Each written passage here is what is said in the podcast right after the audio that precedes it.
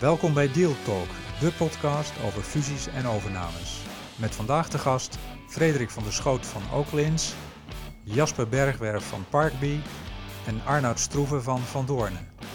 De Deal Talk podcast wordt mede mogelijk gemaakt door Ansarada. Welkom heren. Zouden jullie eerst voor willen stellen in het kort? Frederik, mag ik bij jou beginnen? Ja, zeker. Uh, Frederik van der Schoot, managing partner van, uh, van Oaklins.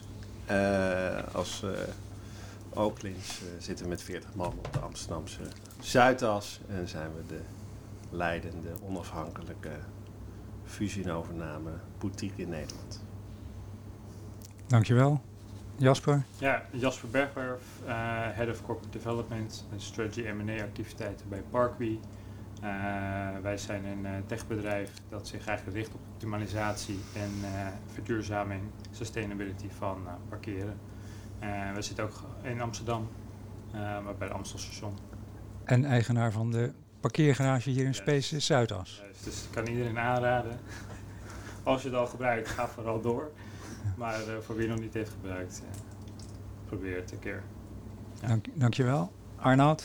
Uh, Arno Stroeven, corporate partner bij Van Doorn. Uh, Van Doorn is, voor wie ons niet kent, een groot onafhankelijk Nederlands uh, advocatenkantoor. Inderdaad, wel bekend. Ik wil met jullie welnemen beginnen met het M&A-nieuws van vandaag. Verano koopt Noorse branchegenoot.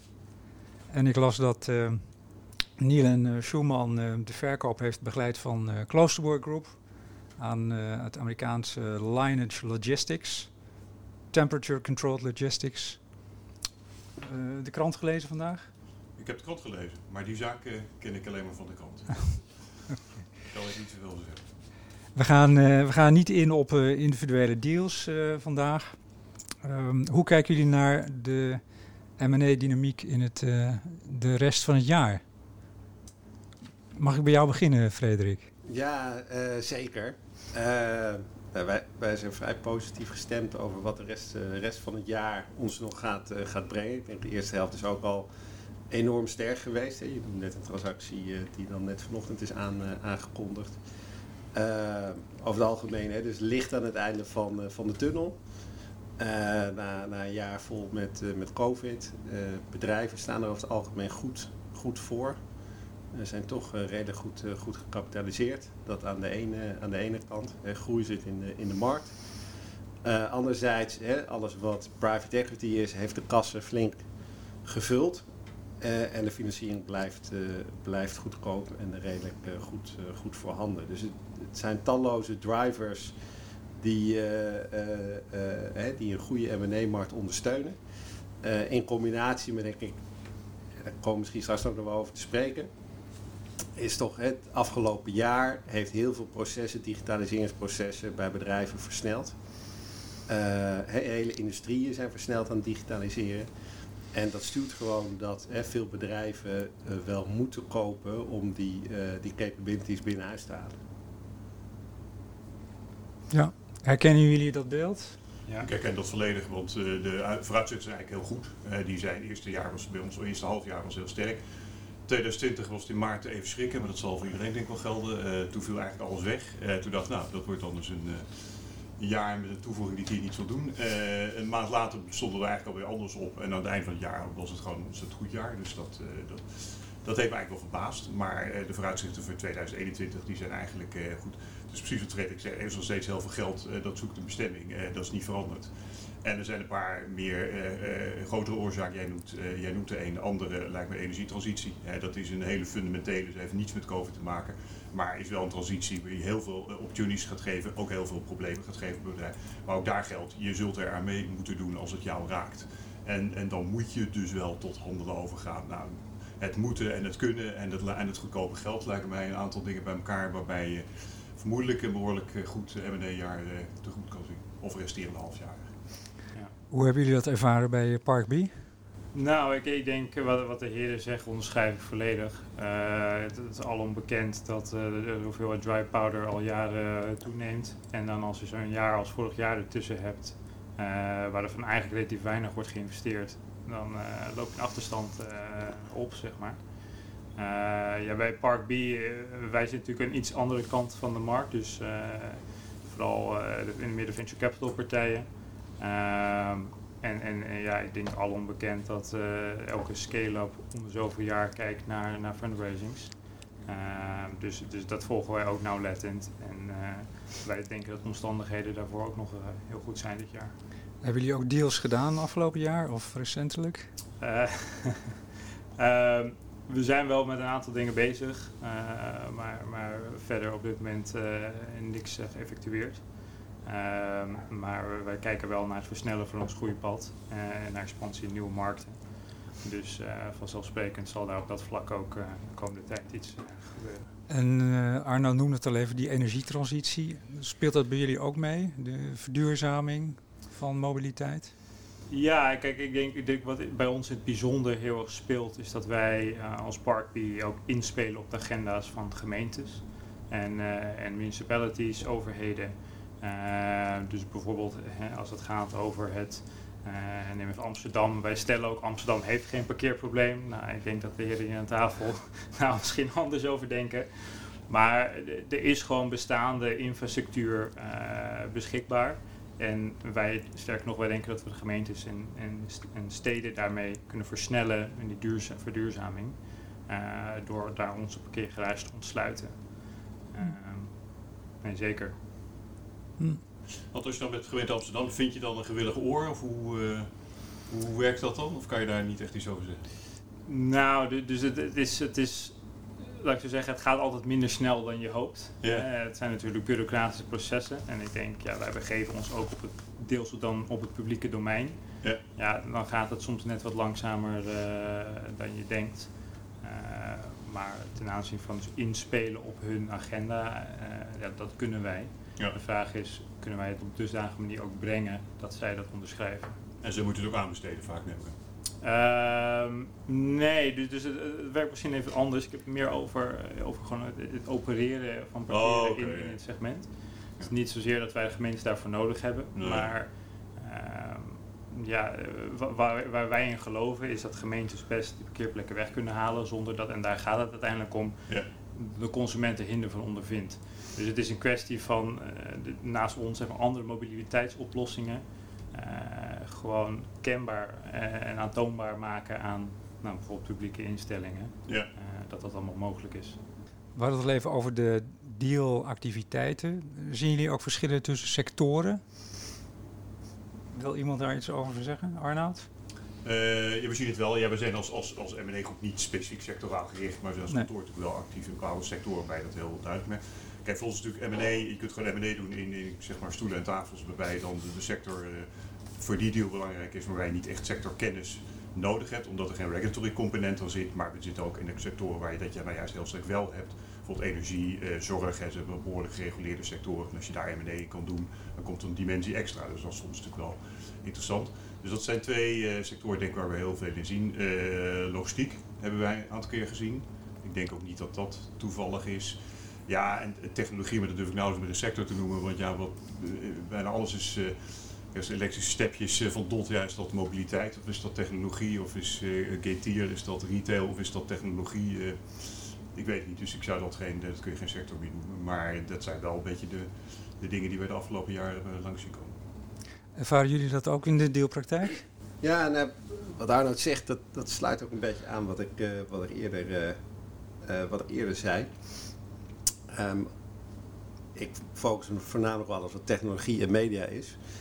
Uh, maar inmiddels uh, heb ik het idee dat al mijn collega's die andere sectoren kofferen, dat die ook de hele dag met technologie bezig, uh, ja. bezig zijn. En wat ik aan het begin zei is van hè, zeker, er was een digitalisering of hè, de hele digital transformation. Dat is ook een mooi modewoord, maar het komt overal, overal terug. dat gaat door elke sector, sector heen. Ehm, hè, daar is IT en software is daar één kant, is daar één kant van.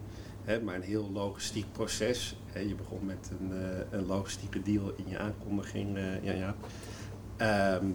Hè, daar zit natuurlijk ook een heleboel technologie in. Of e-commerce is heel leuk, om aan de voorkant begin je met een website, dan komt een klant, dat pakketje moet er komen, dat moet uit een warehouse gehaald worden. Nou, ik weet niet of je wel eens in zo'n warehouse geweest bent met allemaal van die kleine robotjes. Nou, het is fantastisch. Nou, weet je, het is allemaal, het is allemaal technology, eh, technology driven. Hè? Maar dat valt dan van oudsher in een industrial sector.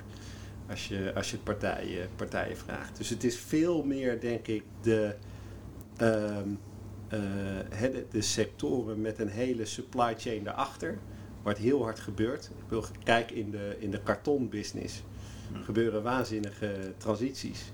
De, de, de vraag, hè, de e-commerce, iedereen die thuis bestelt, leidt tot, ook daar tot hele nieuwe innovatieve eh, oplossingen. Hè. Hoe pak je het thuis op de beste manier eh, uit naar degene die dat kan eh, leveren? Ja, dat is ook weer een winnaar. En die zit onderliggend op een markt die super sterk groeit. Ja. Als ik daar misschien een vraag over moet stellen, ik weet niet of dat in het format past. Ehm, Tuurlijk. maar is, is het nog rechtvaardig om, om TMT als, als zeg maar boutique of, of wat dan ook M&A-kantoor te definiëren als een sector? Want wat je zei, het, het, het is zo omvattend. Ja. Nou, wij, wij zien het meer als het is juist de combinatie. Kijk, een, een softwarebedrijf die uiteindelijk op een specifieke vertical zit, het blijft wel een softwarebedrijf met software dynamics. Hè, maar je moet juist die combinatie gaan maken, veel meer dan vroeger, tussen datgene wat er in. Eh, hè, wij doen veel in de, in de horticulture, dus alles rondom eh, bloemetjes en plantjes eh, en eromheen. Of healthcare, waar Arnoud het net over, over had. Weet je, om daar die combinatie te maken, dat is waar het gebeurt. En als je de M en de T is, de media en de technology, dan krijg je precies dezelfde combi. Daar gebeurt ook precies hetzelfde, een heel sterk veranderend landschap, wat doordrenkt wordt door technologie. En waar natuurlijk mensen gaan afvallen. En, en daar heb je echt winnaars en verliezers. En dat, dus dat is wel degelijk een sector. En Dus misschien moet je afvragen of alle andere sectoren nog bestaan. eh. Nee, nee, nee, Ja. precies. Maar, maar die, je schetst precies wat, wat ik bedoel. Ja. Meer de vraag omdat het zo omvattend is. En als we inderdaad zien dat, dat dit allemaal technologie is, of je niet moet splitsen. Ik zeg wat T, M en T. Ik, ik noem maar wat even als Ja. voorbeeld. Maar, Ja, maar je zou bij kunnen zeggen, technologie is dan een grote bol in het midden. Ja. En dan heb je daar bolletjes die overlappen. En dat zijn, dan, dat zijn eigenlijk Ja. oude sectoren. Dat is een beetje de, ja. zo zou je het misschien kunnen tekenen. Ja, ik de- denk daar moet je ook een beetje naar de marktsegmenten kijken. Als je dus puur kijkt naar alles wat groot AX internationaal eh, in, TMT zit. En ja, daar spreekt men over. Hè, dan is het TMT, want die bedrijven die zijn met al die facetten bezig. Hè, wij, wij zijn al een hele tijd geleden begonnen waar we hebben gezegd voor de mid-market hè, bestaat TMT, bestaat helemaal niet. En je moet kijken, als je daar echt het verschil wil maken op basis van kennis, dan moet je kijken naar niches. Hè, dus dan is het inderdaad eh, IT services, dan is het digital transformation eh, en noem maar op. Zie je nog verschillen tussen eh, dealactiviteit in zeg het MKB, het grote MKB en corporate? Kun je daar eh, trends in ontdekken of is dat een lastige vraag? Die, voor mij wel, ik zie maar een, een deel van de markt, dus dat, ik kan die vergelijking niet zo goed, eh, niet zo goed trekken. Eh, ik weet niet, bijvoorbeeld de multiples, eh, die gaan beangstig eh, hard omhoog, eh, zie ik. Ik weet niet of dat, maar ik weet niet of jij dat ziet, of dat in sectoren of in lagen, of dat verschillend is. Maar dat zou ik niet, ik durf dat niet te zeggen. Nou, kijk, een goede strategische koper, wat hè, eh, me- in meestal een corporate eh, dan is, hè, die zal altijd in staat moeten zijn om meer te betalen dan een eh, investeerder. Hè, om dat zo Ja, klopt. hè, te zeggen. Ik, ik denk in veel gevallen eh, is een, eh, een private equity oplossing is een second best alternative. Hè, iedereen wil eigenlijk primair aan een stratege verkopen als winst eh, of als waardeoptimalisatie als dat je doelstelling is. Eh, tegelijkertijd zijn er heel veel bedrijven zijn helemaal niet klaar om naar corporate te gaan. Hè, er staan helemaal structuren, zijn prachtige bedrijven, maar die zijn hysterisch gegroeid. Maar die kunnen helemaal niet binnen een corporate opgenomen worden. Daar kan een corporate helemaal niet uit, uit de voeten. Hm. Eh, en daar zie je dan hè, de private equity een hele belangrijke rol eh, vervullen om daar kapitaal in te stappen. Maar niet alleen kapitaal, maar ook de kennis om die bedrijven echt een slag verder te brengen eh, in hun organisatie en, hun, en hun structuur. Om daarna uiteindelijk hè, wel een stap richting een stratege te, te maken. Dus de, en als je dan hebt over dealvolumes, ik weet niet of, dat een deel de achtergrond is van je, van Ja. je vraag zien wij op dit moment dat corporates wel heel competitief zijn. Maar dat heeft juist te maken, waar we het net over hadden, met hè, die versnelde eh, eh, digitale transformatie. energietransitie. Ik had hem hier ook op, opgeschreven, Arnoud. Ze moeten die kennis binnen huis gaan halen. Want het gaat zo, het gaat zo snel. en daar zie je ze dus zie ze meer actief dan, dan in het verleden. En stijgen daarmee ook de, de EBITDA-multiples? Gaan die ook omhoog? Ja, ja? Daar aan, aan, alle, aan alle kanten. Hè. Dus net, net als de huizen zijn de, zijn de goede bedrijven schaars. Ja. En, en er is er veel geld. En, en, en er, zijn mensen die moeten. En dan, uh, ja. En dan lijkt best op de huizenmarkt inderdaad. Nu, die, uh, ja. ja, ja, maar, maar met, parallel is er. Ja, ja, nee, maar het, het is schaars. Dan, dan nog met het aardige dat ja, bij, een, bij een bedrijf koop je de, hè, je koopt de toekomst. Dus de toekomstige kas, uh, kaststroom. Ja, en iemand die heel veel synergie heeft, die kan daar heel veel voor betalen. Waar, waar, een huis nog een keer, kan nog een keer 10% boven de vraagprijs gaan, maar dan is dan een hele gekke transactie. Maar wij zien gewoon transactie waar de 30, 40, 50% boven, boven de prijsverwachting van verkopers wordt, uh, wordt betaald. En, en kun je dat toewijzen aan bepaalde sectoren of is dat meer over de hele linie?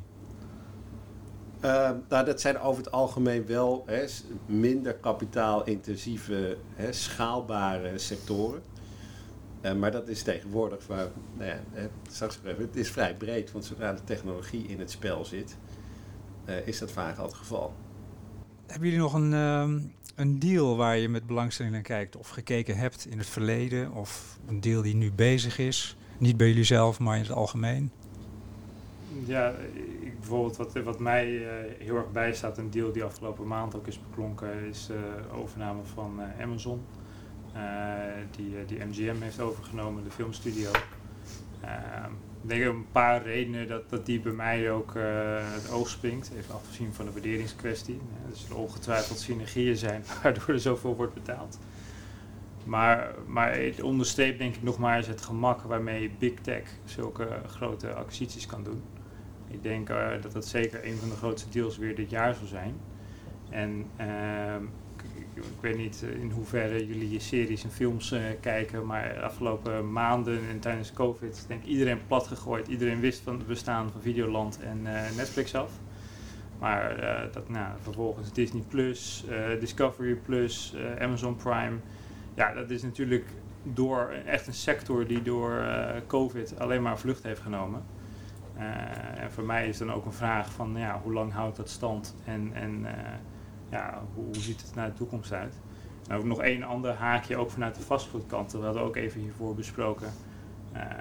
Eén uh, ding dat, dat wij begeven ons ook deels op de vastgoedmarkt. En één niche die, die, waarvan ik ook heel veel vastgoedinvesteerders van heb gehoord zijn filmstudio's. Dat is een niche wat nou, de kantorenmarkt hard getroffen, woningmarkt, nou, die lijkt ook alleen maar omhoog te kunnen. Logistiek, wat natuurlijk ook warehousing uh, vlucht heeft genomen. Maar filmstudio's is misschien wel een van de laatste die mensen op het lijstje hadden. Waar je gewoon nog spreekt over 100% uh, bezetting, uh, bij wijze van spreken, de ene serie naar de andere. Ja, dat, dat dus vanuit dat perspectief vind ik het zeker een interessante om te volgen. Kun je een voorbeeld geven van zo'n filmstudio? Nou ja, je moet, je moet echt denken aan een, een filmhal. dus, dus ja, denk aan hele grote vastgoedpartijen en de, de Blackstones uh, van deze wereld, die ook allemaal in deze markt uh, springen. Uh, nou, dat, dat, is, dat, is, echt een booming markt waar deze producenten ook allemaal mee te maken krijgen.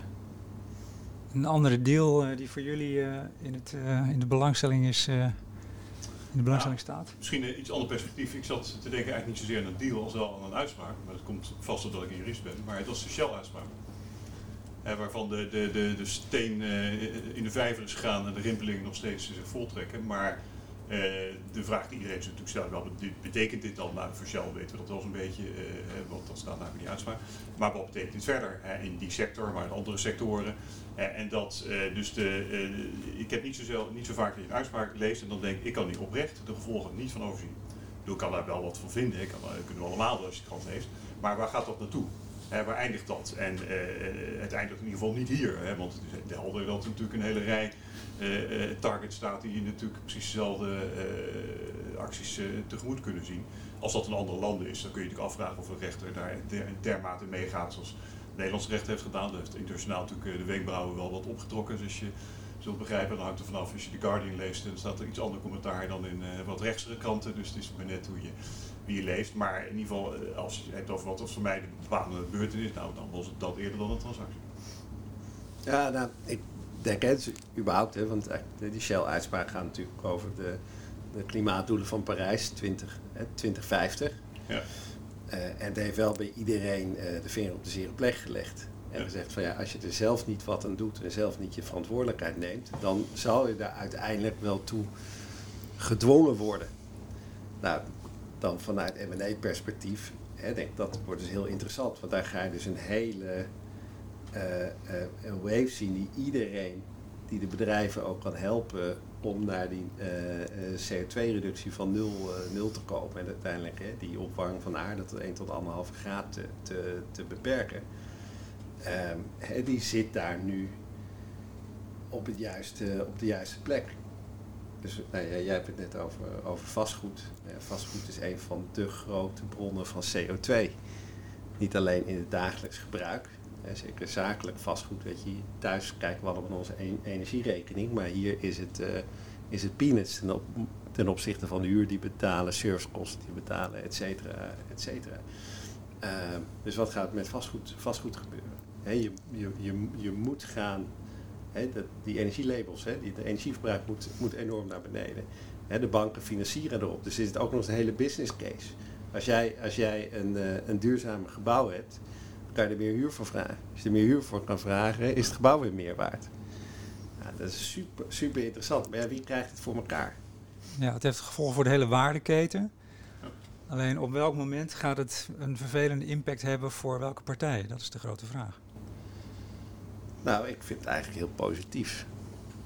Als je nou die uitspraak, uh, uitspraak ziet, ik denk dat het best. Hè, geeft toch een hoop. Uh, geeft toch hoop, om het, zo, ja. om het zo te zeggen. Van jongens, we gaan er nu echt mee aan de, aan de slag. Ja, ik bedoel met vervelende impact een financiële impact. Hè? De, de, de, prijs die je moet betalen.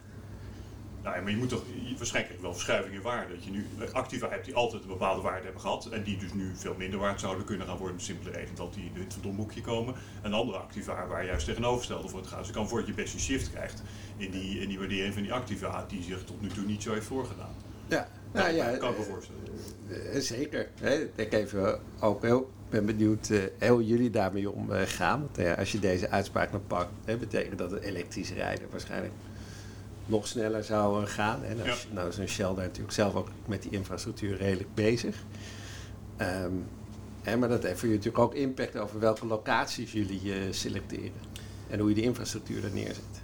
Ja, klopt. Uh, kijk, wat wij sowieso zien, want dat is ook het punt wat je net aanhaalde over verduurzamen van vastgoed. Ik denk over de algemeenheid is vastgoed altijd een van de langzamere sectoren. Dus uh, waar, het is een van de laatste sectoren waar innovatie wordt toegepast, helaas. Uh, dat, dat heeft dus ook met ons, bij ons betrekking. het moet echt een blik verruimen om, om te erkennen en te zien wat nou, bijvoorbeeld een oplossing als Parkway kan betekenen voor vastgoed- en garage-eigenaar. Ehm, maar ik, ik denk dat dat, dat, dat dat is ook een kern van het probleem is, is gewoon de infrastructuur in Nederland, maar in, in elk land, voor deze transitie. En, en dat ook infrastructuur is in wezenlijk ook een soort vastgoed of een soort trage, uh, ik wil bijna zeggen dieseltrein die op gang moet komen, maar het is hier een elektrische trein. Um, en, en dus, dus vanuit de bedrijfswereld is er denk ik wel, zijn er wel de oplossingen. Alleen om dat in de praktijk uit te oefenen, heb je net wat meer obstakels. Nou ja, kijk, juridische effecten moet je natuurlijk nog afwachten. De, de, kans dat Shell een hoger beroep gaat lijkt mij tamelijk groot. En dan moet je maar zien of een hof tot hetzelfde... Het gaat best wel ver. Hè. Ik bedoel, maatschappelijk denk dat iedereen het wel met je eens is. Hè. De meeste mensen vinden dit, vinden dit op zich een positief iets. De vraag is natuurlijk alleen maar of de rechter nou degene is die dit soort dingen moet afdwingen. En of dat niet de overheid is.